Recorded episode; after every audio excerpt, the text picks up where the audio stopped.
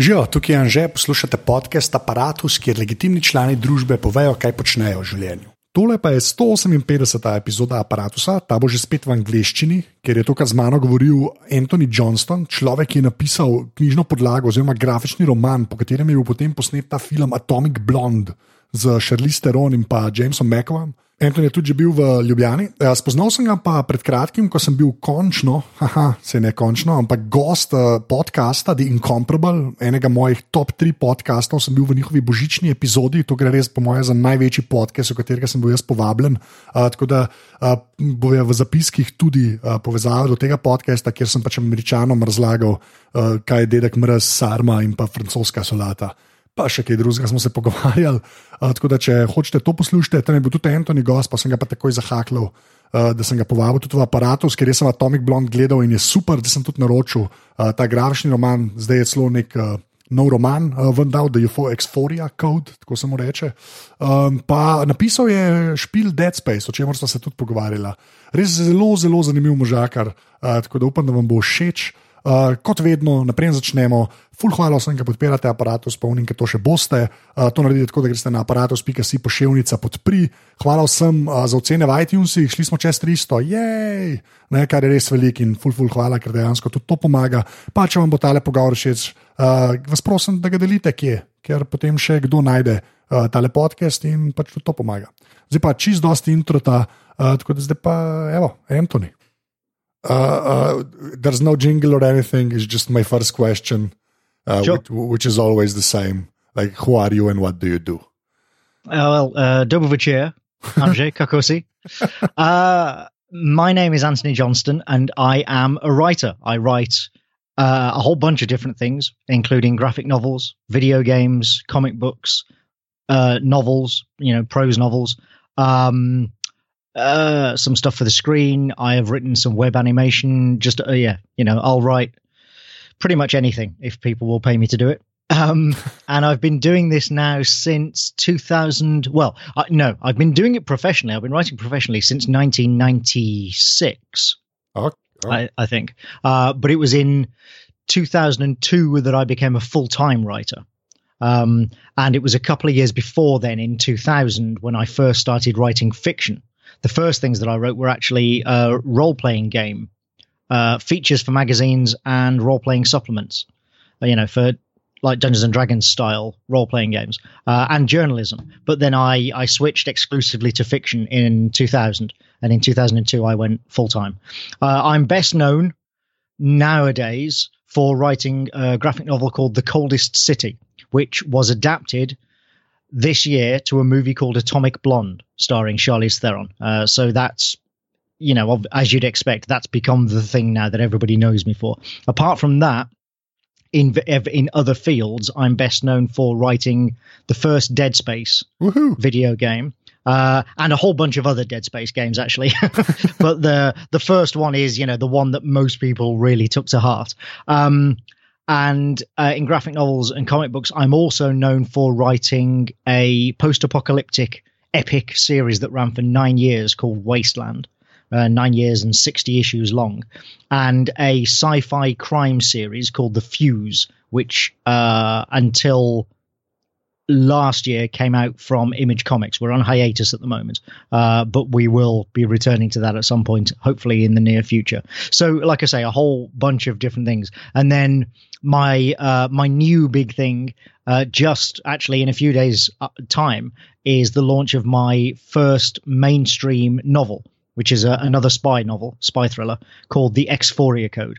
But unlike The Coldest City, which obviously takes place during the Cold War, uh, the Exphoria Code is a modern spy thriller and actually focuses around technology. It focuses around a lot of online technology, uh, the internet, uh, you know, online anonymity, viruses, stealing computer code, that sort of thing, all wrapped up in uh, a sort of action spy thriller. So we're very excited about that. And as I say, that comes out in on December 14th here in the UK and Commonwealth countries. So if any of your listeners read English, you'll be able to import it from the UK. Um, but we don't yet have European publishers line. We're in talks, but we don't yet have you know European publishers and translations finalized. We hope to get there soon.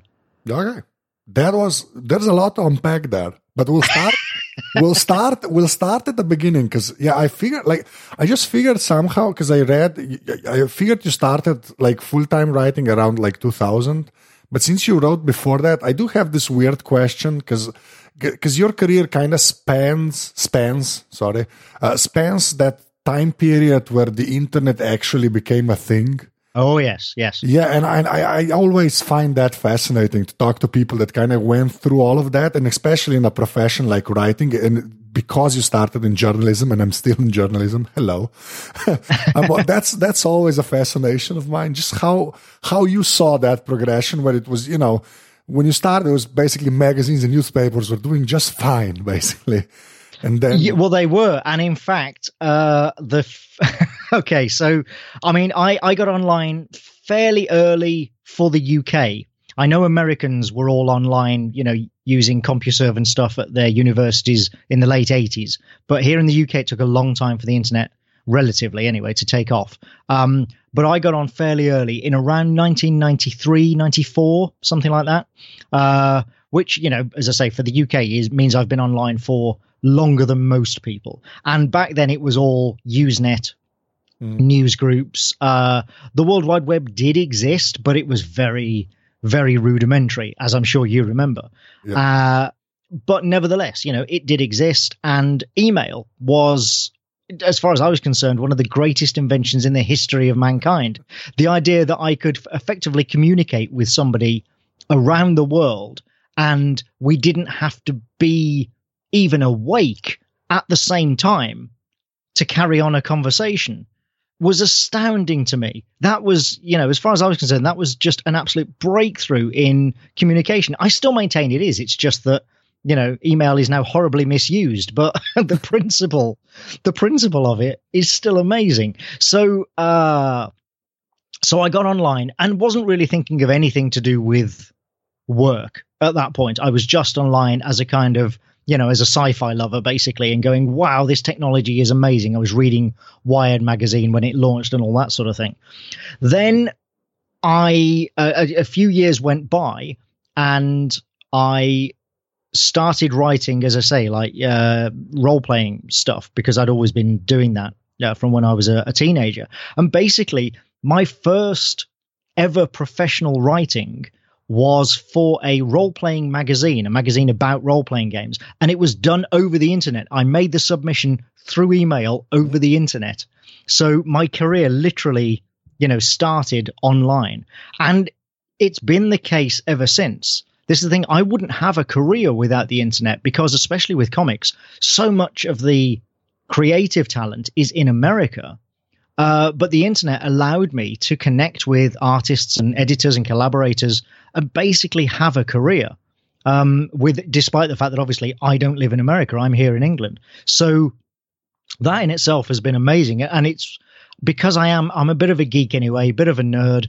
Um, I used my first Macintosh in 1988, and then promptly used it to design three school magazines uh, which had previously all been you know designed traditionally. But I was like, no, no, no, we've got this amazing technology. I'll let me have a go uh, because I just loved it. I absolutely fell in love with the. I, I can't remember which Mac it was, a, a Plus or something. It was one of those with a little seven-inch black and white screen, you know. Um, but I fell in love with it the moment I started using it. I was uh, blown away by it. So yeah, I'm a bit of a nerd. Uh, I've always been into computers and technology. I'm not an overly technical guy. Like I can't write computer code. Um, oh, we're in know, the same boat then, yeah. yeah, there are some technological concepts that just kind of I really struggle to understand. You know, I can write basically my website. I build my website myself, and that's about the limit of my actual technical coding knowledge. However, going back to what you said about magazines, here's the crazy thing: I used to be a graphic designer uh, and I started out working in agencies again using Macintoshes, you know, uh, in agencies and pre-press bureaus and things like that. And then I progressed to designing magazines, and I worked for a few publishers, and then wound up at a company called Future Publishing here in the UK, who at the time were mostly known for technology magazines. Yeah. Um, PC you know, Zone yeah, was one of them, right? Um, was Zone Future? Zone might have been might have been uh, Dennis Publishing, their rivals. Oh, okay. I'm not sure, but PC Format Ah, okay. I think was was Future, and PC Gamer was definitely Future because Kieron, Oh, yeah. my friend, my friend Kieron Gillen, who was also now a comics writer, was on that magazine. Um, so yeah, Future were reno- renowned for writing, you know, making mostly technology and a lot of gaming focused magazines. Um, and I went to work on .NET magazine, which was a magazine about the internet, like even more so than Wired. W- Wired was about modern technology and you know, sort of cyberpunks and stuff in general, but .NET was literally just about the internet. It was full of explanations for people who were going, "What's this internet thing then?" And they pick up the magazine and go, "Oh, this is what it is. This is how I get online." There were tutorials, guides. We wrote, we wrote published guides to websites in a magazine. oh my god, the the nostalgia and naivety, you know, looking back is amazing. But that was, and that was my dream job. That was absolutely my dream job at that time because I was, you know, spending so much time on the internet anyway. I'd already made lots of friends online. Yeah, but did you like? Did you see it coming then? Like, if you're literally doing like working for a magazine about the internet, right? Was there any sense of what was about to come? Where you know magazines would put their stuff basically up on the internet for free at first because it seemed like a good idea, and then then that totally backfired. For yeah, the next twenty yeah. years, basically. Uh, there was, I, I think, no. You know, you got to be honest and say at the time, none of us really thought about that, the implications of it. We were a, we were quite naive ourselves. Not all of us. Um, famously, our the editor who had launched the magazine and edited it for, hmm, let me think, good lord, five years, six years, quite some time. Uh, one of the best people I ever worked for. His name is Rich Longhurst. Wonderful man, fantastic editor, very kind and good man, and just yeah, you know, I had an absolute blast working under him uh, when he was editor. But I think he saw the writing on the wall because he left and started up a website and basically made a small fortune uh, as a re- running a retail website. So I think he saw the Yeah, writing yeah. on the wall, even if the rest of us didn't. Yeah, see, that, that's the thing that kind of that's it, that's the thing that interests me the most because I, I I kind of understand how you can just totally miss that even if you're right in the center of it. yeah. I, I do well. I think if you're in the center of it, it's easier well, for you to yeah, miss it. Yeah, You know, it's like the whole bubble effect that we have now with social media. I think it's much easier to miss that sort of thing. It's like how, uh, and again, you know, this isn't really the way it's done anymore, but back then, you know, you would have PC and Mac magazines, PC format, Mac format, you know, PC user, Mac user, and within the editorial departments of them, those magazines, it was, you know, if you lived every day with those people, uh, it would be inconceivable to you that somebody would want to use the other platform. yeah, It was absolutely inconceivable to the team on Mac format that anybody would ever want to use a PC. But it was equally inconceivable to the PC format editorial team that anybody would ever want to use a Mac. And, you know, and it, like I say, we have the same effect now with social media. Everybody can sort of experience it for themselves. So I think, although we're seeing that we see that effect through a different technology, it's just human nature. Uh, and so, yeah, we did. We just we all missed it, and unfortunately, so did most of the publishing companies and many, uh, you know, companies like Dennis and Future at one time were behemoths. They Yeah. were enormous, vast media empires in the UK, and now they are a shadow of their former self. It's quite sad, really. yeah. That, Or, well, it's sad for me because I grew up reading magazines, so I'm nostalgic for them. yeah. The the biggest gaming magazine over here now just ran into trouble. Like proper legendary magazine from like they started in '91. And, uh, Right, yeah, right. and it's just gotten untenable apparently. But yeah, because uh, we had actually one of my shows. We had the the head writer like a couple of weeks ago. Yeah, they don't know what's gonna happen, but it's just yeah, it just kills me when stuff like that happens. Basically, because I grew It up on those magazines as well. So yeah, exactly it, it's terrible but at the same time you know it, it's it's evolution it's uh you can't stop it and if there's just no interest in it then you've got to move on and do something else. Yeah, but you see that, that see this is the, the exact same conversation I have with every person that's like from America or uh, uh, like England. You've been to Slovenia, right? You know how many of us Yeah. there are. You know how the economy of scale works for any kind of project online. Like we're we're kind of screwed, honestly. like, Well, you're sl- you're screwed for Slovenia native Slovenian language Yeah, stuff. yeah. Uh, you know, like one of the nice things, uh, one of the things I, I liked about, well, I should say, one of the things I found very convenient about Slovenia was how many of you there speak excellent English, uh, and the ones who don't speak English probably speak, I don't know, German or Italian or something Yeah. as well. You know, it's very rare to come across uh, a Central European at all, but especially a Slovenian, it seems, who doesn't speak at least two languages as well as their own. So, uh, you know, you're in a pretty good position, I think, to to reach out across Europe and beyond your own borders. That, that that's kind of you. So okay, let, let's talk. Let's talk about why would you like? Because the the first thing we were in a Slack together. We're not going to go into that, but like the first thing you told me, you have a, a NSK pass, uh, passport, right? And I do, yes. Yes, and you're somehow a Laibach fan. So just explain that because I don't know.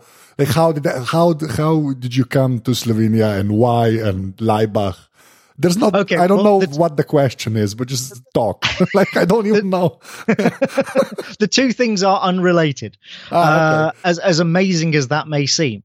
Um, how can I? Laibach were um, became a thing over here in the UK in I I think around the early nineties, around the same time that I was getting online, I suppose, maybe a little earlier than that.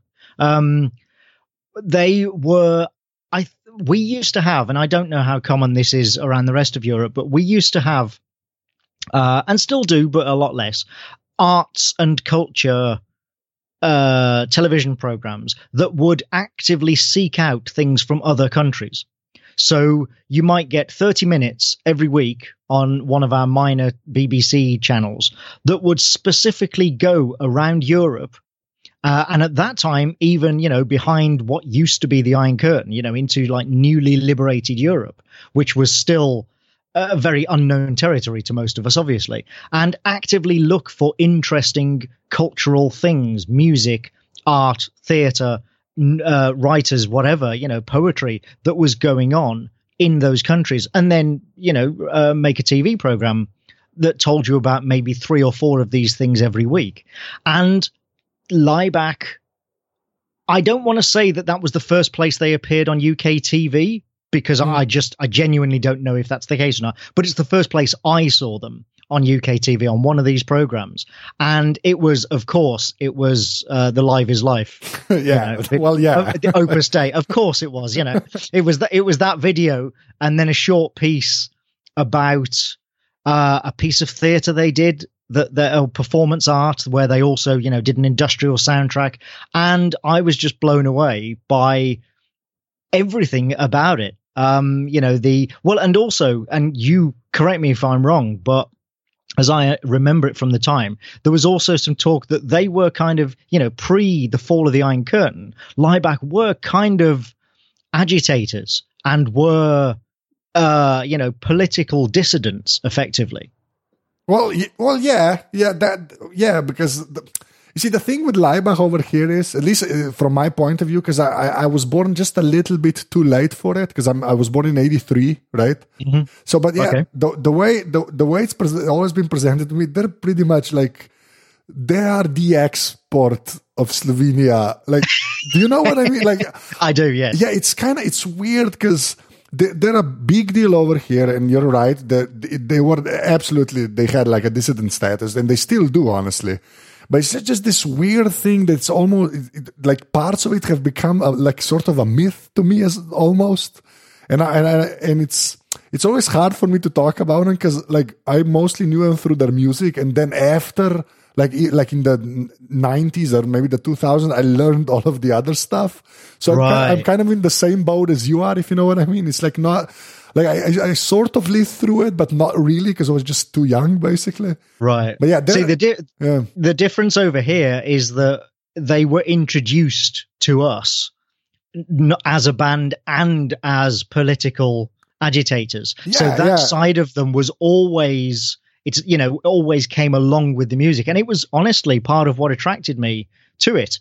You know, at the time I was. I mean, I still am quite. I'm still politically aware, but at the time I was more politically active as well. And just the very idea of uh, having, you know, just a few years before watched the Berlin Wall fall uh, on live TV pictures that were beamed, you know, live to the BBC from Berlin. Um, and I, I, sat watching that absolutely rapt, uh, you know, realizing that I was witnessing a genuine world changing moment in history. And so, as it was only a few years after that that I first saw and heard Laibach, I don't know, it just kind of, I thought, wow, you know, this is, this band clearly are doing their own thing with no compromise. uh, it's really interesting music. Uh, they are very subversive, clearly very satirical and allegorical and provocative. And I, I always like provocative art. And also, it was just good music. And yeah. there was, yeah. yeah, they, they kind of entered our consciousness in this country in that way through the industrial and gothic scene. Uh, and so, you know, a, a bunch of us, myself included, became fans. You know, rapidly went out and bought as many rec- Laibach records as we could, and have been fans ever since. And in my case, yes, actually did fill in the little card in one of the CDs and sent off for my that's, NSK passport. Oh, that's so awesome! Like so awesome. I, have um, seen like two of those in real life so far. Like, right. Just, yeah, like, I, have got to, I've got to be honest. I don't know where mine is. I haven't. It's it's somewhere in a box. You know, I haven't looked at it in years. But yeah. yeah. Um, and then I came to Slovenia in I think it was 2012, 2011, 2012. Oh, okay. Uh, for a video game job. I was, you know, hired to work on a video game with a developer in Ljubljana. Uh, and I came out for a week uh, and you know sort of spent that week in the studio having meetings and sort of uh, discussing stuff, planning things with the developers. Came home, did work from here in England on it, then went back for another week. Uh, right at the turn of the season, at the end of summer, um, uh, so I witnessed the uh, is it October first when the weather just goes okay, rain now. Yeah. Uh, yeah. Yeah. and, uh, you know, witnessed that for myself. And I was like, oh, wow, it really did happen overnight. Um, and yeah, and that was it. And I literally just did those two weeks. The project fell through, uh, unfortunately, you know, just uh, because this happens all the time with, well, as you know, with technology projects and certainly with video game projects uh, yeah. uh, all over the place. It just didn't happen. Not for anybody's, it wasn't anybody's fault, you know. Um, but those two weeks that I spent in Ljubljana, I really, really enjoyed. I loved the city. Slovenia itself is absolutely beautiful. My God, the view from your airport is amazing. I mean, there's there's not many countries you can say that about. But I was sat on the concourse looking at the mountains across from your airport, going, "My God, even the view from the airport is yeah. amazing and beautiful. yeah, I don't appreciate that enough, I think. Yeah, I'm just so used to it. It just doesn't even register. But I get that. Yeah, you've got to remember we don't we don't have anything like the Alps yeah, here in England. Yeah. You know, the Alps are as big as England. So Yeah, I think I think I started to appreciate the Alps more once I started started traveling abroad. Right. Like just... Flying over them takes so long to fly over them. My goodness honestly, that was the first time that I'd flown over the Alps or flown over them low enough that I could see them, you know, rather yeah, than in a yeah. sort of transcontinental thing. Uh, and I had no idea that they covered such a huge area. We started going over there, and I was like, oh, there's the Alps. 10 minutes later, that's still the Alps. My goodness. Yeah, the, I do love that line. You the, the, view from the airport. I think that's yeah. Uh, it's true. yeah, because I I used to play basketball in a small town just right next to the airport, and so oh, I used right, to right. drive from basically to Ljubljana and like to the airport basically, for like five times a week for like right. four years so, straight. So I looked so at those mountains. Completely yeah. blasé about those mountains. Yeah, yeah, yeah basically. Yeah. Okay, so okay, the the okay, let's do the video game stuff first, and then we'll go into comics because I have a okay. couple of weird questions there. But like, okay, so so Dead Space. I actually played through Dead Space before I knew of your existence as the guy that wrote Dead Space. Sure. And then after I found it, I said Dead Space, like, is that that's a genuinely great game as far as I'm concerned. But like, how does that? Like, I don't know how that works. So you're a writer, you're doing comics and stuff, right? But how? Because that, like, Dead Space is a big title, right? Or, or am I? like- yeah, yeah, but yeah, no, it was. It was a big AAA title. Yeah. how does that? I don't know. I I don't understand how that Well- crossover happens. Well, there are okay. So there's two sort of things to talk about here. The first is just to say that uh, in terms of the mechanics of how you write a game, it is different from game to game. And on Dead Space itself, I didn't design the game, but I was hired to write the script. So I wrote the script that all the actors are acting, Yeah. uh, and I wrote the cutscenes that the you know that were then animated.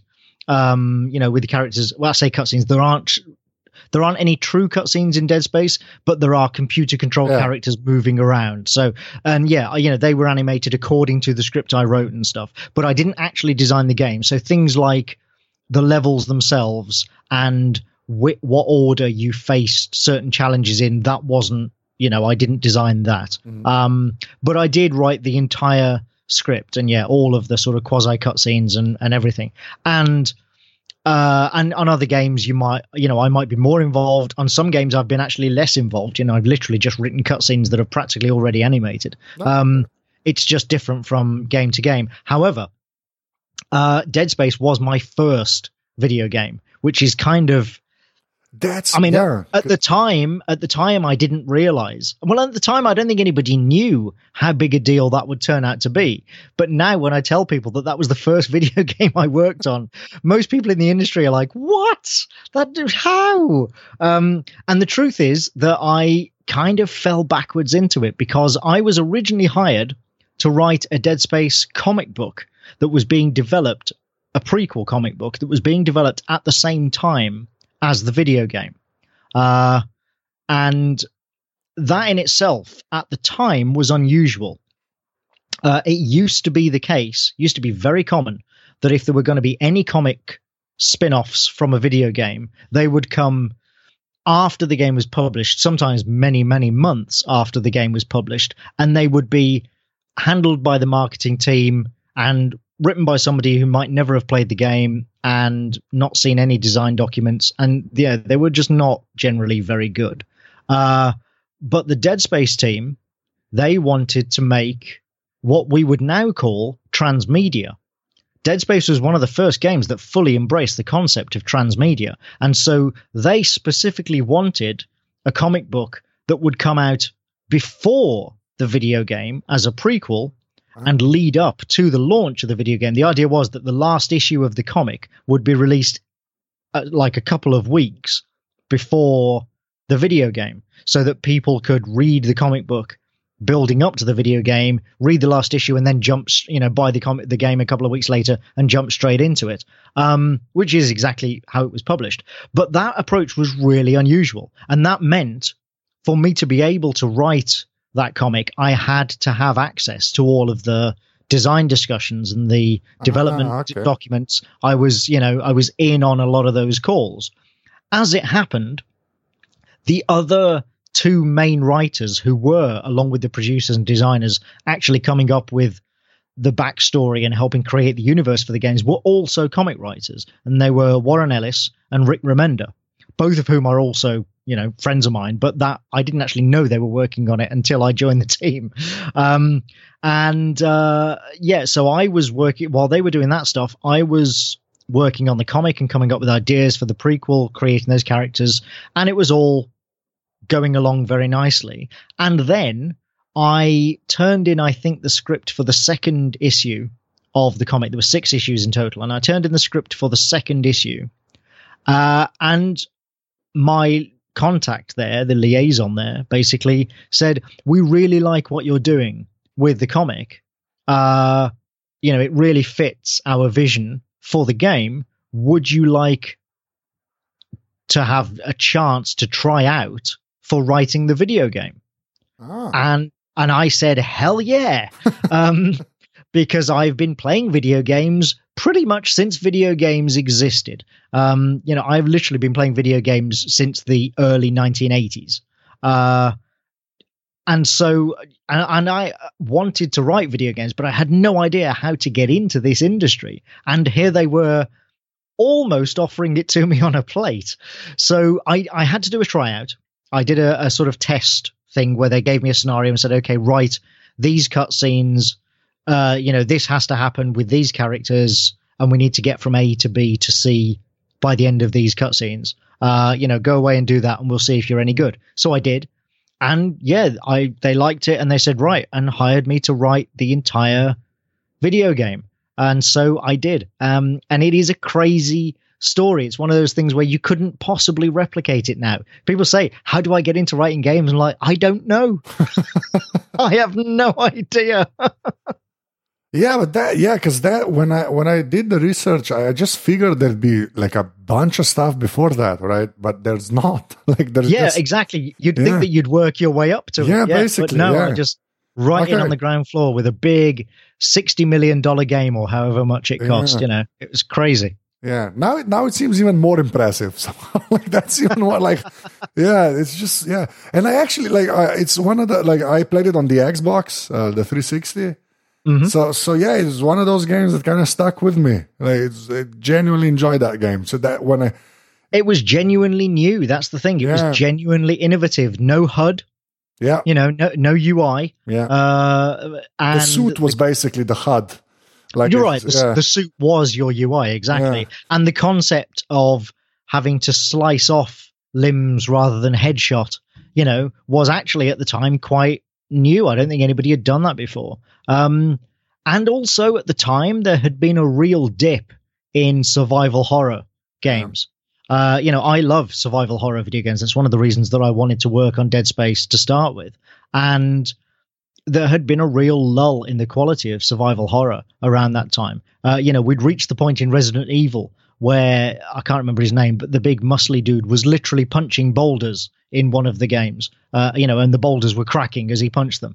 I can't even remember which Resident Evil that was, but I remember that being Yeah. a source of great, you know, ridicule and amusement uh, among gamers. It, it, it was we'd survival horror had kind of lost its way, and then here comes Dead Space, a truly frightening game, a truly gruesome, grim game that is not about heroics, is not about uh, shooting, you know, thousands of bullets into hordes of zombies.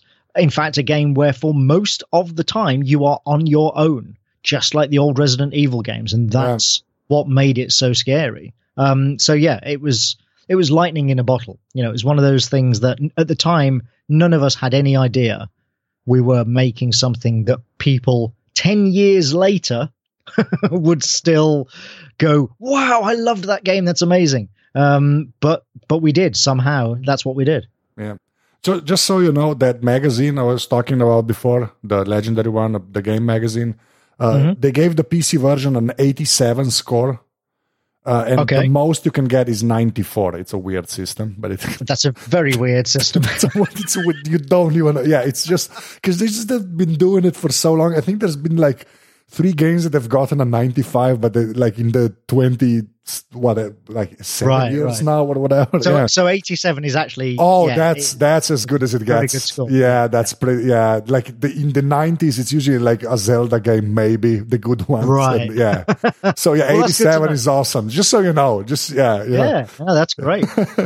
Okay, just uh, one more thing with, with, with the video games. Like when you write it, you, you, I understand it's different than anything else you write, right? But like when are you eh, present at all for the recording of like the actors and stuff, or you just turn in the scripts and then that gets taken care of somewhere else? I always prefer to be there when Ah, the lines okay. are being recorded. Yes, I, I always ask if I can be.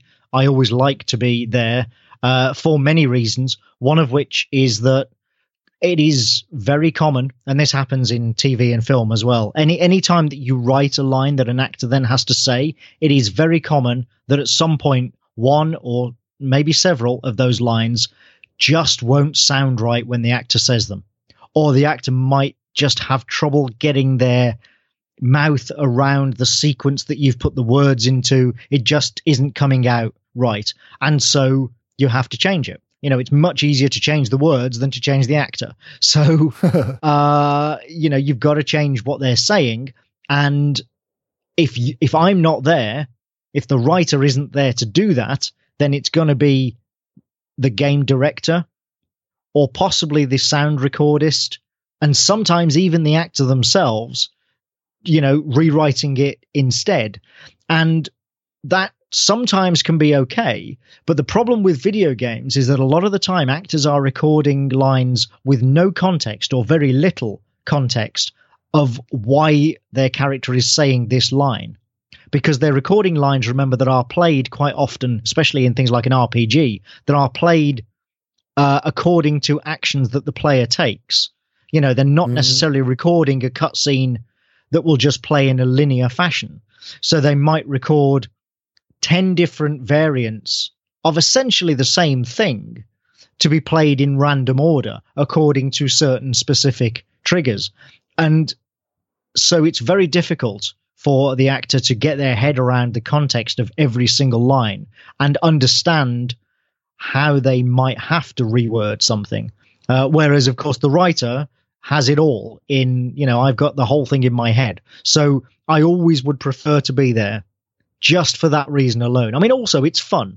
You know, actors are nice people. Yeah. It's it is fun to hear people recording your lines and stuff. You know, there is that aspect of it. But from a purely sort of practical business point of view, in my view, it's a good idea to have the writer in recording just because you never know when you might need a line rewritten. So I always ask to be there. However, I don't always get it. not every developer, not every game publisher wants the writer there. Not all of them can afford to have me there. Um, you know, it's just, or sometimes schedules clash. That's just, you know, one of those things. But I always prefer to be there if possible. And I certainly, uh, whenever, you know, young writers ask me for advice, that's one of the things that I always say to them, you know, if you're going in for a job to talk about taking on a job, talk about that aspect of it, uh, you know, and get that understanding up front that you want to be there when things are being recorded. Because I think games are always better for it when the writer is present. Always. All right, we'll we'll go into comic. We're going to be all over the place today, but uh, yeah. Right, That's just... right. My my career's all over the place. okay, no, but the, explain something like because because when I read up, every time I get into comics, and I've read a couple of them, even some graphic novels and stuff. Like every time I get into it, there's like the publishing houses, right? It's like going in. Like if you start liking watches. And you go into watches and there's like five companies that you're supposed to know about right? It's the same with the comic book publishers. So so like because you did some stuff for marvel right? A little yeah. Yeah okay but like they're how are they in relation to the publisher that published wasteland let's say? Because i don't because they both look the same to me. Right right. But no, i don't understand yeah i don't know how that whole world works and then there's the whole image comics thing, which I don't even understand. Like, it's just so confusing to me. Like, cause I, I just look at the titles, right? You'll just see the book and you'll say, oh, I like that one. But the like with anything else that's nerdy, but well, with anything else in life, like there's this convoluted system where you're supposed to know the big ones from the little fish and the, you know, if you can. But the thing is, yeah. your approach is is better. I wish that more seriously. yeah, I, no, I, yeah, I, am yeah. deadly serious. I wish that more people approached comics in that way and just looked at a book, at the title, at the cover, read the blurb on the back, and said, "Yes, this is a book I would like to read," rather than caring about who publishes it. You don't care who publishes a novel that you're reading. Yeah. You know, you don't. Nobody. Nobody follows I don't know, Scholastic Publishing and buys all of Scholastic's crime books. You know, that yeah. doesn't happen. You follow authors, you follow creators, uh, and pos- sometimes characters in the case of franchised works. But nobody in the world of fiction follows publishing houses. And I wish that was the same in comics. Now, Marvel, like Marvel and DC, are the two huge. Yeah. Ones obviously they're the ones who make all the big movies that you see on the screen and stuff. They're the big big dogs. After them comes these days IDW and Dark Horse, who are very big but not as big.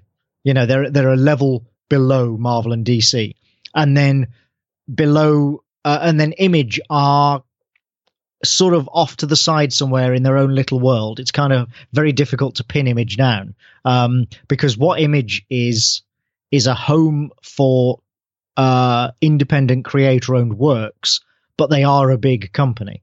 So they publish books that might seem like kind of small artisanal affairs, but as a company, they have a big reach, which Oh, is okay. why when something like The Walking Dead or Saga becomes a big hit, Image can take advantage of that.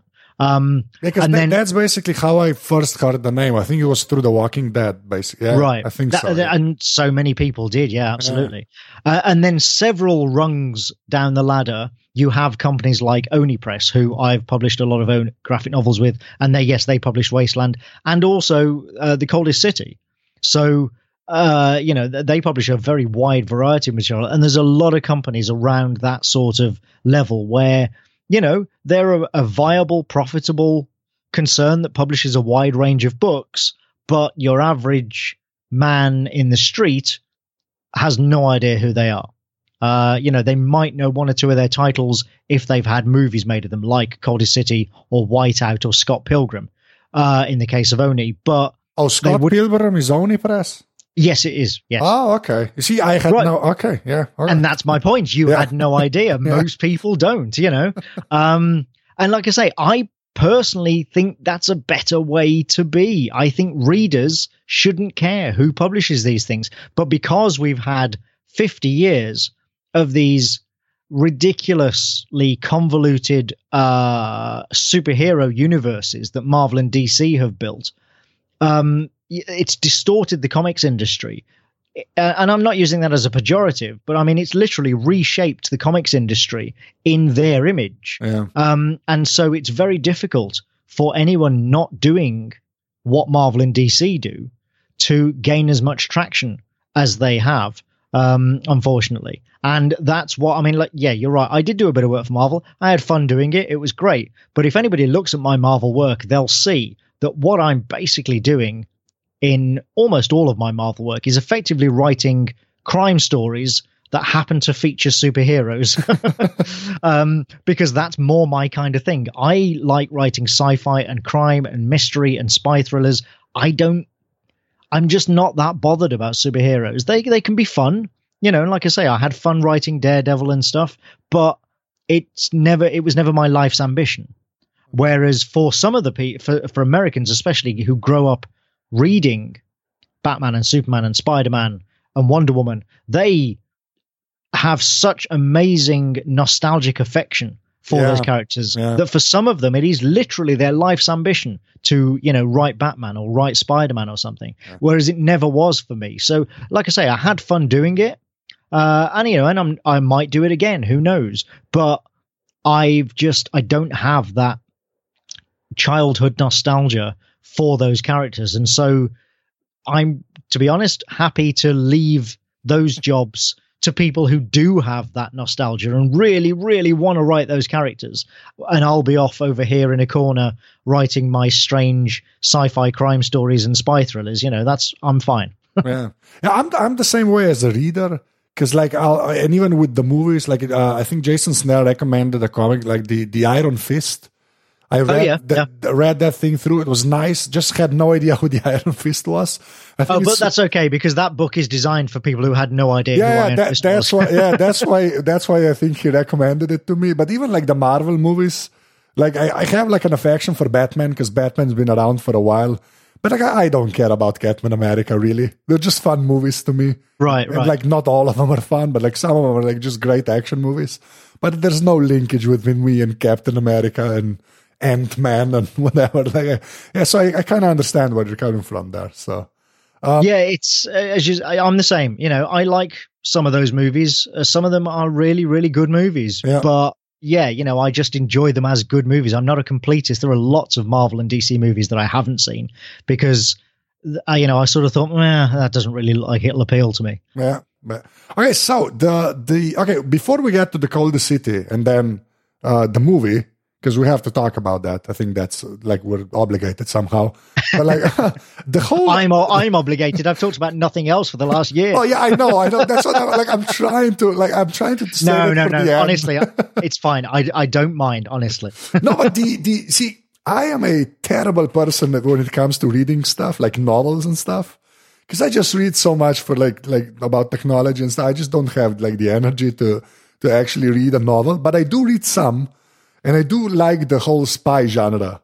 Like that's sort of like I don't know how it, uh, John le Carre. Well, how do you say his name? That's it. Yeah, John le yeah, Okay, yep. yeah. So I, I, I, I, I'm a fan of his stuff, like a genuine fan, like the whole Cool. smiley stuff and Tinker Yeah, yeah. So, like I love all of that stuff.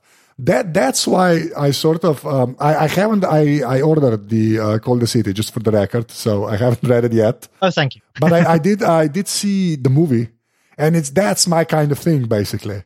And I just wanted to ask, like, where does that sort of fascination for you come from with the whole, you know, maybe the 80s? If we just, you know, if we focus on the Cold City then, but like the, you know, the, the spies and the Iron Curtain. And since you're a fan of Laibach, I shouldn't be that surprised, really. just like, do, do you have like an affinity for that stuff or, you know? I, I grew up in the 80s. you know, I'm a yeah. am a child of the late 70s and the 1980s and uh, I grew up in a world where it seemed like the Iron Curtain would be there forever. It seemed inconceivable that the Berlin Wall would ever come down. Uh, these were just, you know, that was the map. You looked at the world, you looked at the map of Europe, and there was the Berlin Wall, and there was the Iron Curtain, and that it was just a fact. And it had been there since before I was born, obviously. So the idea that it one day it wouldn't be there was inconceivable to me. And so, uh, I mean, I I grew up loving things like James Bond movies because you know who doesn't. Yeah. Um, but beyond that, I also had a sort of an aff- well, I, I think what it was was as a child I had an affinity also for the kind of noir, you know, dark alleys and trench coats and that sort of thing. Um, and then of course, when you get to Cold War spy fiction, that's kind of a combination of the two. You've got this amazing setting of a divided Europe, but you've also got the noir mystery elements. Um, and so when when I kind of graduated, if you like, beyond James Bond and discovered authors like John le Carre and characters like Smiley, um, it really struck a chord with me. I, I can't explain why, other than to say there is something about that genre that just really, really appeals to me and fascinates me. And part of it is because, like I say, that time in the real world fascinates me. Looking back, like I say, the idea that the Berlin Wall would come down just seemed like madness. Um, you know, we, I certainly here in the UK, lived as we used to say in the shadow of the mushroom cloud. You know, the prospect of nuclear war breaking out at any moment seemed very real, and we were all genuinely scared that it would actually happen uh, without warning. You know, um, we even had hit pop songs about it. You know, because it was such a part of our Yeah. culture. Um, and so when that all changed, I um, I think if anything, it increased in me, not in most people, but in me. I think it increased my interest in that area of fiction because now suddenly it was historical fiction that Oh, was no longer, you know, it was no longer the real world. It had been the real world. It's, it's like um, when I grew up, I used to read a lot of World War II fiction, and I think it was that same uh, that same kind of appeal. World War II fiction was yes, World War II was real, but it was so long ago, and the world was is so different now that you can read it as you know a different world, a world that was real, but that we don't have anymore. Yeah, and I al- think almost sci-fi, basically. Yeah, like Kind of, yeah. Yeah. But I think that's, I think maybe that's why my interest in Cold War spy fiction intensified after the Iron Curtain came down and after a liberated Europe, because yeah, it uh, it became this other thing that I just happened to have lived through. Um, and so, yeah, I'd kind of carried that fascination with me for many years afterwards, but I'd never written uh, a spy book or a spy story at all. I read John le Carre and Len Deighton, and I loved uh, there's a TV show called The Sandbaggers here in the UK, which is wonderful. And you know, I just I loved spy fiction, but I'd never written any. I'd just never kind of thought about it, I guess. And then I was asked to write a spin-off series for uh, a spin-off miniseries from a book by my friend Greg Rucka, who uh, used to write a spy sto- series for Oni Press again called Queen and Country, which was absolutely hands down my favorite comic. I mean, I Greg is a friend anyway, but I'm also one of his biggest fans. and Queen and Country, for my money, was the best comic of the entire um, early 2000s. Like, no question. There was nothing being published that was as good as that, to my mind. And remarkably, in 2005, I think it was, he asked me to write a spin off miniseries about one of the characters in it. Um, and so I did. Uh, you know, after I'd sort of got over my stage fright, I I did. I wrote it, and I had such incredible fun writing that spin-off miniseries that I thought, oh wow, yeah, I do like spy stuff, don't I? Turns out it's fun to write as well. Um, and so I decided that the next big project that I did uh, as a passion project would be a spy book that I would do a Cold War spy thriller, uh, and that was in 2008. It was I uh, got the time, uh, and made the time, and cleared a, a couple of months in the summer, and wrote, started writing what would eventually become the Coldest City, um, and it was just born out of this desire to write a Cold War spy thriller of my own. Um, in a style that I would want to read. Oh, so oh, okay. So how big did it get then? To, to be picked up. Do, do you know what I mean? Like, cause I I don't understand like that. How does it then get to a? Because if it's a passion project, right? Okay, so it gets published, right? But it, I, I imagine it has to get you know some sort of commercial success to even get on the radar of somebody that wants to make a movie or am i like well that's uh, most of the time yes that's the case. In the case of this uh, because i already had a very long standing relationship with Oni Press when i started writing the coldest city i didn't have a publisher. I actually ah, wrote okay. uh, like i actually of those two months i spent the first month writing uh, about half of the book without a publisher at all. So because in, 20, I want, in 2012, the time of economic prosperity, you just spent. No, no, no. This was in 2008. oh, this was oh. 2008. Okay. Uh, in the in the summer, so even worse. This was during the whole subprime yeah. loan crisis. Yeah, basically.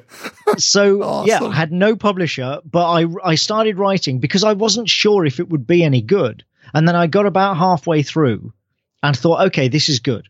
Uh, okay. the, you know, the, there's something here, and so then I got in touch with Oni Press because uh, as I say, I have a long-standing relationship with them. They'd pub- already published several of my graphic novels and comic series, and I said, "Look, well," and they were publishing Wasteland at the time, and I said, "Look, you know, this is the idea. This is the thing I want to do, but I want to do it as a an original black and white hardback graphic novel."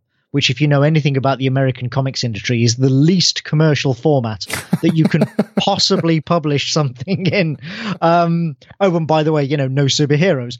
Uh, it was just, it was absolutely anti commercial. But to their credit, because they trusted me and they liked the idea, Oni said, yeah, yeah, we'll do it. Um, nice. Yeah, no, as I say, that's, and I don't really think any other publisher would have. So, uh, so that was in 2008. I finished the script. Uh, we then looked for an artist. We got Sam Hart, who was my first choice, actually. So we got very lucky there. Um, and he drew the book, took a couple of years, and then we, you know, sort of were all geared up to publish it. However, rewind a little. When I finished, no, actually, before I finished the script, Oni Press had a uh, what we call a media arm, which is to say, you know, a, they had a partnership with some producers in Hollywood uh, for what's called a first look deal, where anything that Oni Press published and to which they had an option contract, uh, those producers would then go out and try to sell that as a ah, movie to uh, a movie studio. And the pitch document that I sent to Oni to propose the book to them caught their eye caught the eye of of the producers. Oh, okay. um, and they actually, even before I'd finished writing, they were already talking to people in oh, LA okay. saying, We're going to be doing this book and we think it's oh. going to be great. Is anybody interested? Okay. Um, and then when I finished the script, and this is very unusual, normally they would take round a finished comic. Uh, because the truth is that people in Hollywood don't like to read. They because they they read all day long. The last thing they want to do, like you were saying, the last thing they want to do is read some more. Um, so comics and graphic novels are actually great because it doesn't feel like reading to them. So you can give them something, it's got pictures, they can flick through it and decide very quickly whether they like it or not. So it's very unusual what they did, but what they did was take out my script before it was drawn and said, uh. here's the script.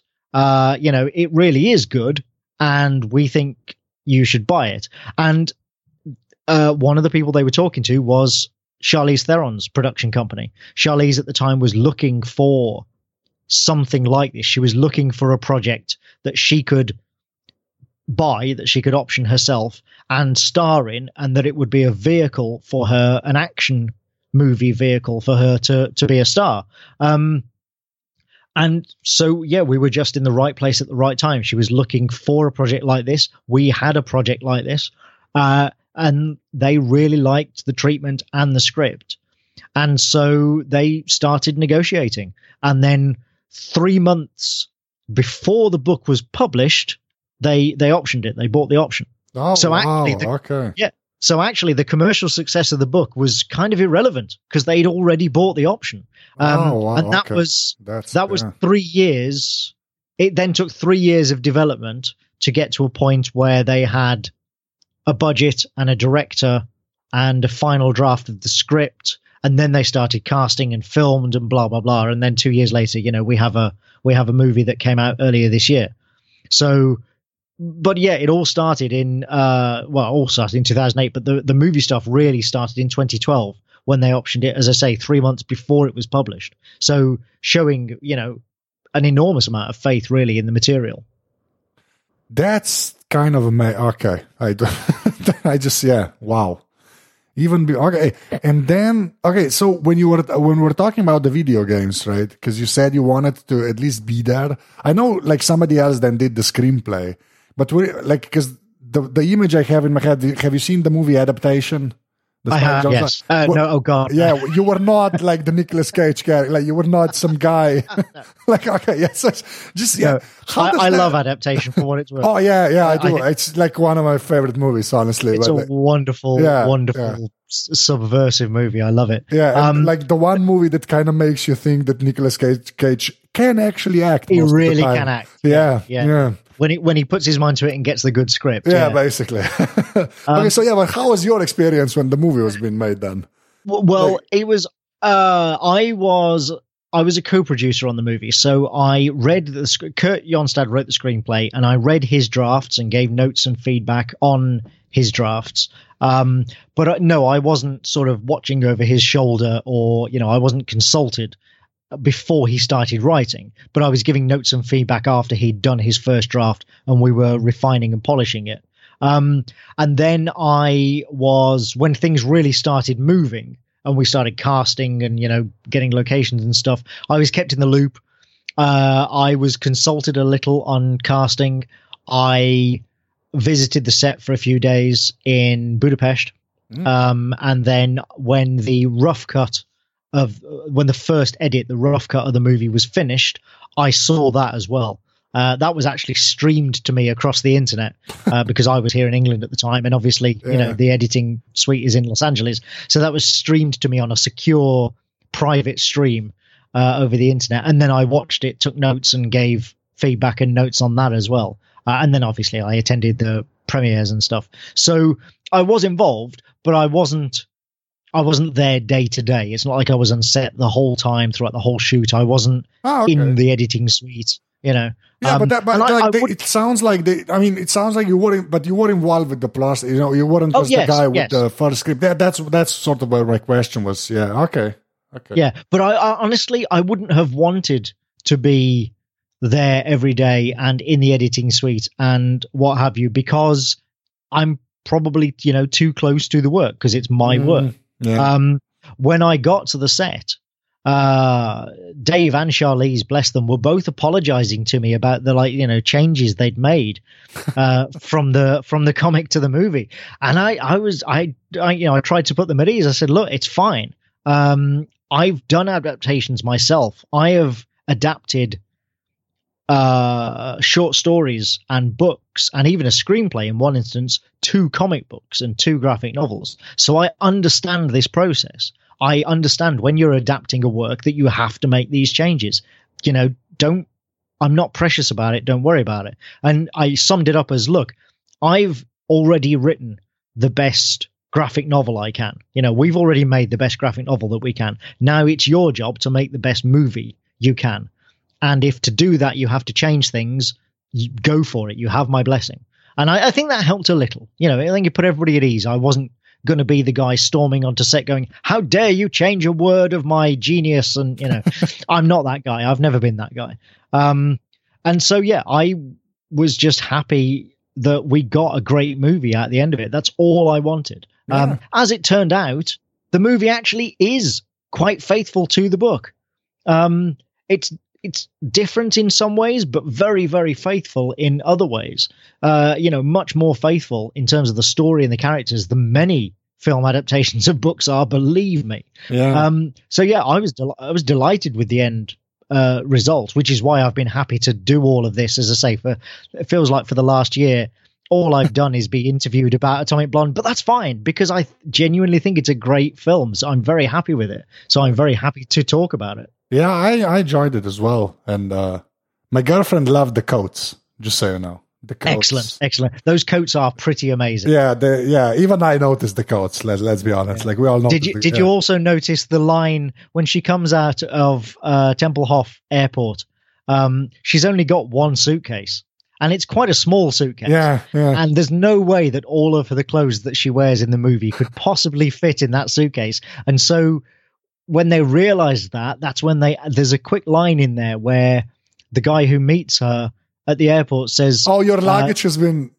Yeah, you yeah. got checked luggage, and she says, "Oh, it's been sent to the hotel." Yeah, yeah. And okay. that that line is there because as they were filming it, they realized, and this is what I mean about having you know uh, having to make changes. They realized there's no way all the clothes she wears are going to fit in that suitcase. Oh, nice. Okay. Oh, no. Okay, so okay, before we go to the last part of this thing, where you talk about your, you know, hardware and software and stuff, uh, I do have one more, like one like, like how how weird is it for you to be sort of, you know, to the the end product there was just like a, like a, basically a Hollywood movie with Charlize Theron and James McAvoy, right? And you, you're somebody who like writes graphic novels, like that. How cool is that to you personally? Still, oh, it's very cool. It's very cool. Yeah. Um, you know, I imagine you you can't really get over that, or or can you? Like, I don't know how that. Like, I'm never I'm never going to be in that position, but like, how how I, yeah. I think you kind of have to get over it in a sense because otherwise, uh, you know, you become you sort of you're unable to function. um, the thing the thing is that I because of the time in which I sort of you know came up through the comics industry, the idea of comics being adapted to movies, being optioned for movies and adapted as movies, has always been there. Oh, uh, you know, it's kind of always been present. And I've had other books optioned before. The difference is that none of them actually went through the whole process and became a movie. Um, but I've had several books optioned over the years that, you know, where things then just fizzled out and it didn't go anywhere. Um, and I thought that's what would happen with this. So I refused to allow myself to get excited until things were really moving, until we actually had financing in place and sets booked and actors booked and like, oh my goodness, we really are going to make a movie. Um, at that point, I allowed myself to get excited. Okay, nice. You know, because you, have got to uh, you got to allow yourself that kind of like wee. Yeah, um, that's yeah. But that was my question. Yeah, because it, it's kind of awesome. That, that. But it it is it is. But at the same time, I have never, despite this idea that, as I say, you know, comics being turned into movies is not unusual. I have never allowed myself, I've never wanted to allow myself to, when I'm writing a comic, let that affect the writing, to think to myself, oh, actually, if I wrote this bit here, that would look great as a movie. yeah, I, okay, I, yeah. I don't do that. I don't allow myself to do that because I think what you end up there with there is a worse comic. I think when when you're writing, no matter what medium you're writing in, you must always take advantage of the unique qualities that that particular medium has. You must write a story which takes full advantage of everything you can do in that medium. And to do that means not compromising for the sake of another medium. So yeah, I don't I never write a comic thinking, well, if I write it this way, it'll look really good on screen. That's, you know, I think that's a fool's errand.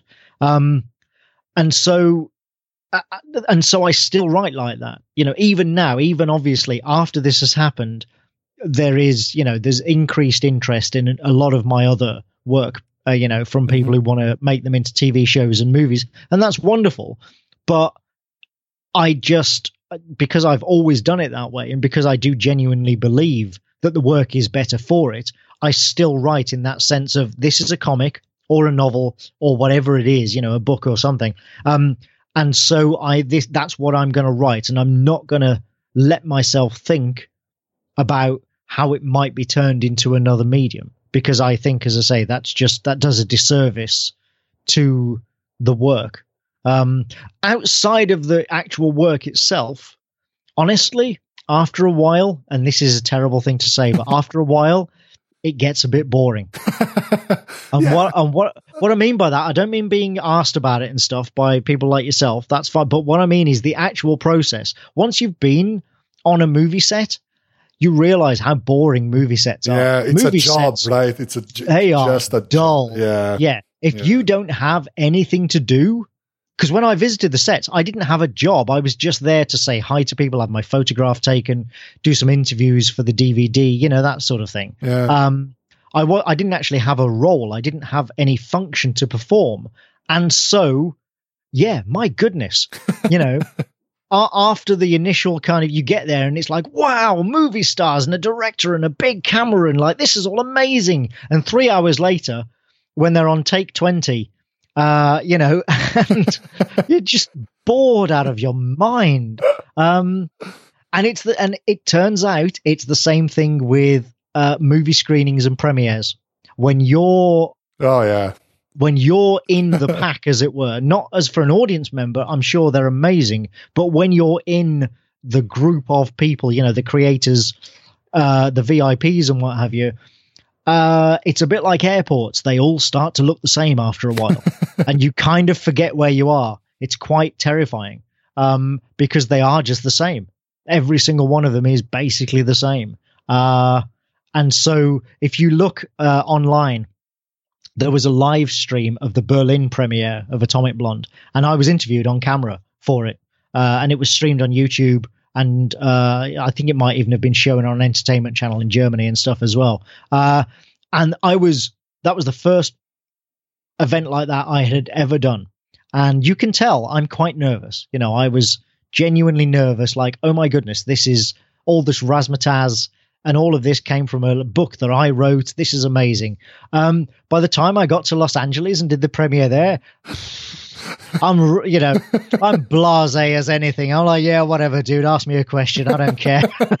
oh, that's not true, but you know, it. You know what I mean? It, yeah, it's very. Yeah. I, am joking, but it, it's very easy to become, uh, to become sort of used to that stuff. Yeah, and, it's good that it gets sort of demystified a little. I think that's that's healthy because you know well, I think so, yeah, and that's what allows me to get over it and not sort of wake up pinching myself every day. Is I've seen behind the curtain now, yeah. and behind the curtain, it's not actually all that glamorous. You know, when you're being herded out the back of a movie theater through an alleyway strewn with litter and God knows what that's been discarded from, you know, poor homeless people to climb into the back of one of 12 identical black SUVs to be sped across town somewhere. You're just like, hang on a minute, this is not, you know, and there's not a camera or journalist inside. There's just somebody there with a clipboard going, yeah, you're in car number five, off you go. that's, that's not glamorous, you know? yeah, yeah, okay. Yeah, but uh, see, the that kind of stuff, I think it, it it helps to know that kind of stuff. You know, if you, know what I mean. It's like it's. I think so. Yeah. Yeah, yeah. So it's not all the glitz and the glamour, or how the Americans. It really is. Like I say, it's like airport travel. It's yeah. you know the first the first few times that you fly to a foreign country, you're like, wow, this is amazing. And then when you've done it twenty times in the space of a year, you're just like, oh my god, what airport is this? I don't even know where I am anymore. that that's how I feel about Luton, basically. That's just uh-huh. describe. Yeah. okay, so so the, this is the last part uh, of our Sure, talk. sure. So so we're gonna go through your hardware and software with your hardware, your phone, your computer, and your tablet. I guess I'm guessing you have one. So Yeah, yeah. So I have uh, an iPhone SE oh, because okay, yeah. I'm quite unlike you. I'm quite small, uh, and I I have for a man quite small hands. You know, below average size hands for a man, and I don't want a phone any bigger than my SE.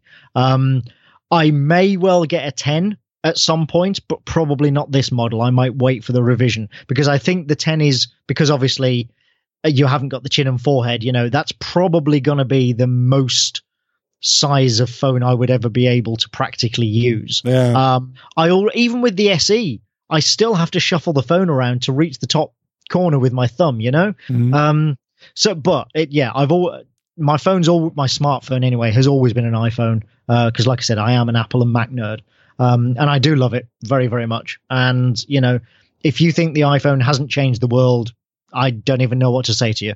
uh, my computer is a 2014 Retina iMac. Ah. The first models of uh, Retina iMac with all flash um, storage. So I did the same as Jason Snell, actually, who we mentioned earlier. Uh, I did exactly the same as him. When this model came out, I bought, I maxed out everything. I bought the biggest and baddest iMac of that model that I could afford. Well, the, no, that you could buy, basically.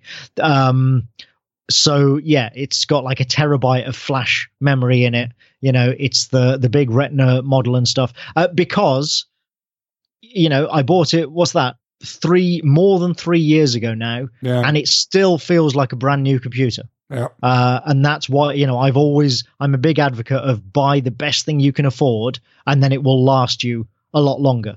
Um, you know, if you buy cheap, it's a, what we call a false economy. I don't know if you have that phrase um, or an equivalent of that phrase, but what I mean by that is if you buy something cheap, you think you're saving money, but then you have to replace it so much more quickly Yeah. and it and it causes you so much more stress because it's cheap and badly made that you actually end up spending more and having a worse experience than if you just spent a lot of money to start with and bought something that would last you many years.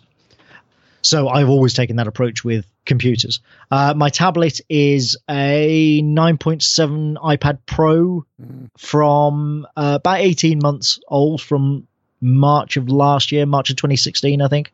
Um, I my next one might be the 10 inch model, but I don't Oh, know. just I, stop kidding yourself. It's gonna. I like just don't don't stop with the well- might. What might be? Well, but the th- the thing Yeah. is with uh with the Pro, my iPad is I'm a bit like Marco Arment in that I use my iPad every day, and I mean literally every day, Uh-huh. but I don't use it for powerful tasks. So now that I have a Retina uh screen iPad, I don't set. I'm set basically until until it stops accepting iOS updates. I probably don't need to update it because I've got a pencil. It works fine with the pencil. It has a Retina screen. It's got a lot of memory and stuff. You know, I bought the 128 gig model. Uh, I don't need to replace it. Right. Um, so, but I do love it. Let's say I use it absolutely every day, but I use it for email, Twitter, Facebook, Slack, you know, that sort of stuff yeah. uh, or indeed as an e-reader. I do also use it as an e-reader. Um, and then for what else? For podcasting, I've got um, uh, what is it? The ATR twenty one hundred mic, Yeah. dynamic mic that so many podcasters use. I bought uh, eight of them so far. Really, Yeah, wow, for my co-hosts and stuff. So yeah. yeah. they really are wonderful. Yeah. yeah. my my co-host on I do a heavy metal podcast called Thrash It Out, and my uh, co-host there in America, he just bought one. Literally, just bought one. The last episode that we put out was his first with the new microphone, and he sounds a hundred percent better with it than he did with the Blue Yeti. It's it's astounding. Um, and then I run it all through an Onyx Blackjack. Blackjack. Yes. I also bought four of those for my co-hosts. They're wonderful, aren't they? Yeah. Built like a tank. Yeah, I love. They just feel indestructible. Love it. yeah. Um, and that's pretty much it. Everything else is just you know I have a I have a regular desk. Uh, I have bookshelves full of books. I have a filing cabinet. You know, just the usual sort of dull stuff. Um, travel gear is something else that I spend a lot of money on uh, in order to sort of get the best thing I can. Um, you know, anybody who travels a lot for work, I, you know, thoroughly, if you're not already buying good quality travel gear from places like, uh, you know, like my carry on bag is a Red Oxx, which cost me, I think, $250 Yeah, for a, and that's not that's not wheeled that's an over the shoulder carry on bag um but it is the best carry on bag i have ever I'll take ever- your word for it. Yeah. it is I, I bought it almost 10 years ago and it's practically Ah, like okay. new it's Okay. astounding okay. um and i have a briggs and riley rolling suitcase which again is you know that was even more expensive but again incredible quality and just if you can afford if you work in technology you can probably afford to buy you know slightly expensive gear like that and i thoroughly recommend it as long as it's quality you know the reason it's expensive is because of quality not a brand name yeah. um Not gold because- plated Louis Vuitton. Right. Stuff, right? when I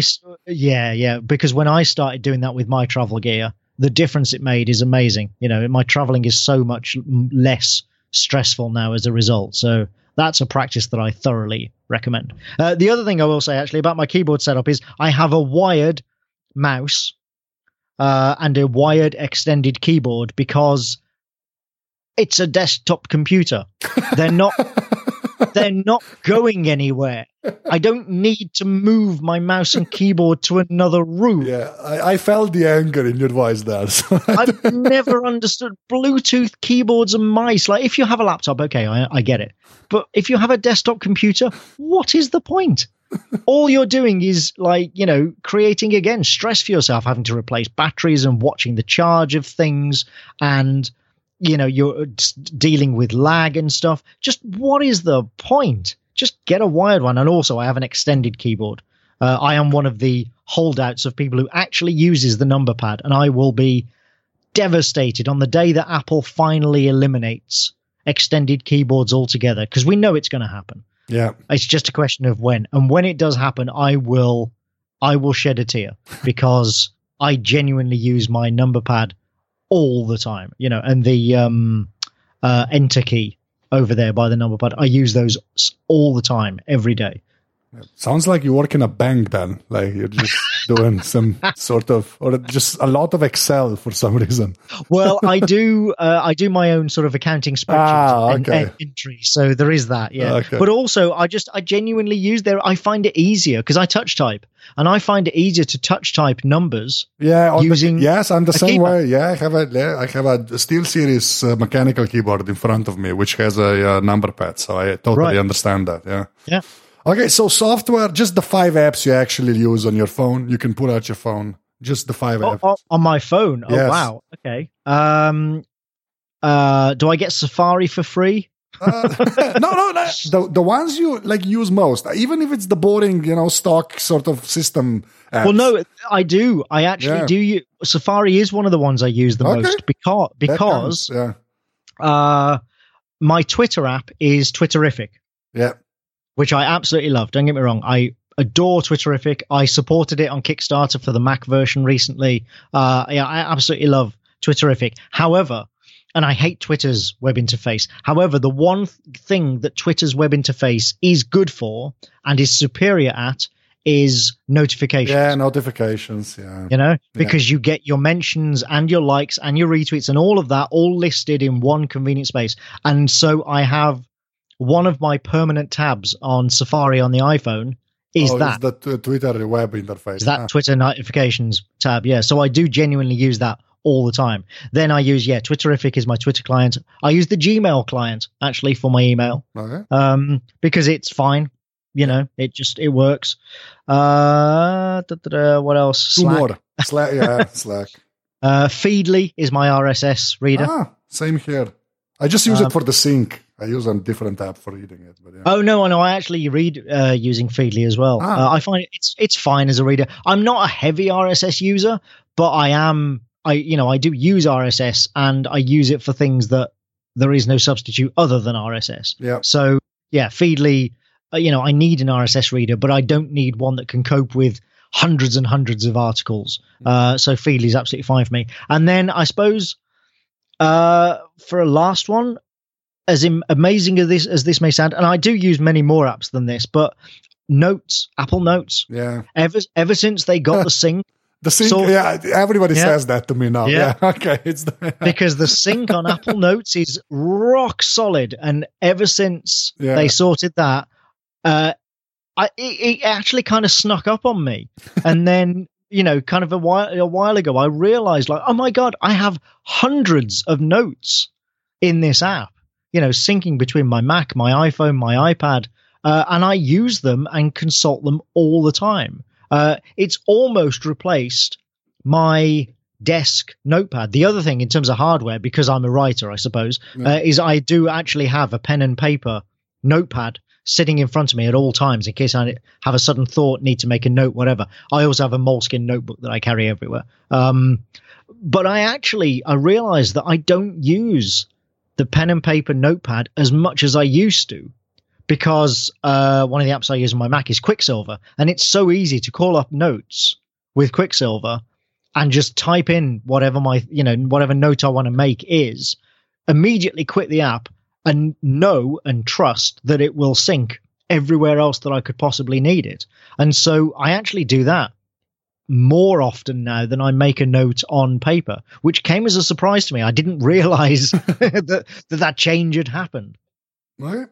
Then my final question, which is also always the same. If you had to pick one thing that you, uh, it's a thing, it can be your grandmother, so it's not a person, uh, that you feel like it was made for you, you might still have it, you might not. Like, what would that be? I don't still have it, and the fact that I don't still have it is a, a source of constant regret. It's one of my few genuine regrets about, you know, sort of having gotten rid of something from my past. Uh, and that is my old, I say my old, you know, it's not mine anymore because I don't have it, but an old Yamaha electric guitar. Ah, okay. I used to. I'm a musician as well, uh, very strictly a hobbyist. Um, but I used to play in uh, very small indie heavy metal bands, uh, and occasionally sing in them as well. Well, I say sing, more like growl, you know, growl and shout like Lemmy. Um, but I had a beautiful. Well no it wasn't beautiful. That's why i loved it. It was actually hideous. It was incredibly ugly. I had a yamaha electric guitar that i bought secondhand. It was built like a tank. The body was so incredibly thick.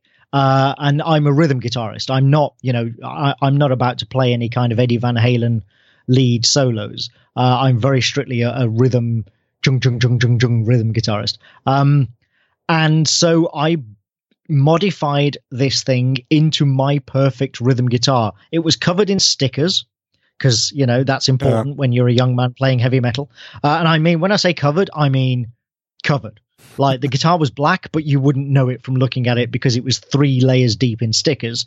Uh, it had a floating tremolo.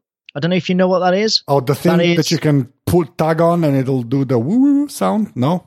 Sort of, yeah. It's like you know when uh, you know the whammy bar. Yeah. Uh, you know that goes. Yeah. Well, a floating tremolo goes in both directions. ah, I it's fancy not then. fixed, so it Yeah. could go but it could also go. um, uh, I hate floating tremolos, and so what I did was remove all the springs, put a block of wood in the back so that it only moved in one direction. and then took off the whammy bar altogether because I hate whammy bars. Uh, I replaced the volume and tone controls with razor blades. I replaced the uh, guitar strap with a length of chain that I bought from a hardware store. Uh, what else? I oh, it was you know it was the the ultimate sort of metal guitar, but the tone that I got out of it was fantastic, and it played so easily. Like I said before, I don't have very big hands, so I have to be careful about sort of guitar necks and things. You know, if they're too thick and too rounded, I can't play them properly. This had a beautiful neck that I just took to immediately. Uh, I battered the hell out of this thing. I mean, you know, this guitar literally fell down the stairs several times and, you know, got thrown around all over the place and never, ever broke or, you know, was in di- any kind of disrepair. It was an amazing piece of kit. Um, and unfortunately, I lost it in a house move. Lost uh, it. I lost it. Oh, I wow. don't I don't know what happened to it or where it is. Uh, and that was many years ago. And like I say, it is my one regret because I just felt like me and that guitar were kind of, you know, we were in symbiosis almost. um, I, I absolutely loved it. All right, that, that was an awesome answer. uh, yeah, I really have nothing to say to that. But like, Anthony, thank you for doing this. Honestly, you're welcome. Hvala. yeah, to stop with the pandering, the Slovenian pandering. Nazvedenie zazdan. Uh, uh, you, you, yeah, you were just uh, part of the apparatus slash Storming Mortal podcast. So I, uh, yeah, but the the convoluted two way system, I publish stuff. But uh, thank you very much for doing this again and taking the time. And uh, that, that's welcome. that's pretty pretty much it. So so say say say goodbye. Uh, goodbye, everyone, and please go and buy my book. Yeah, go, go buy the book.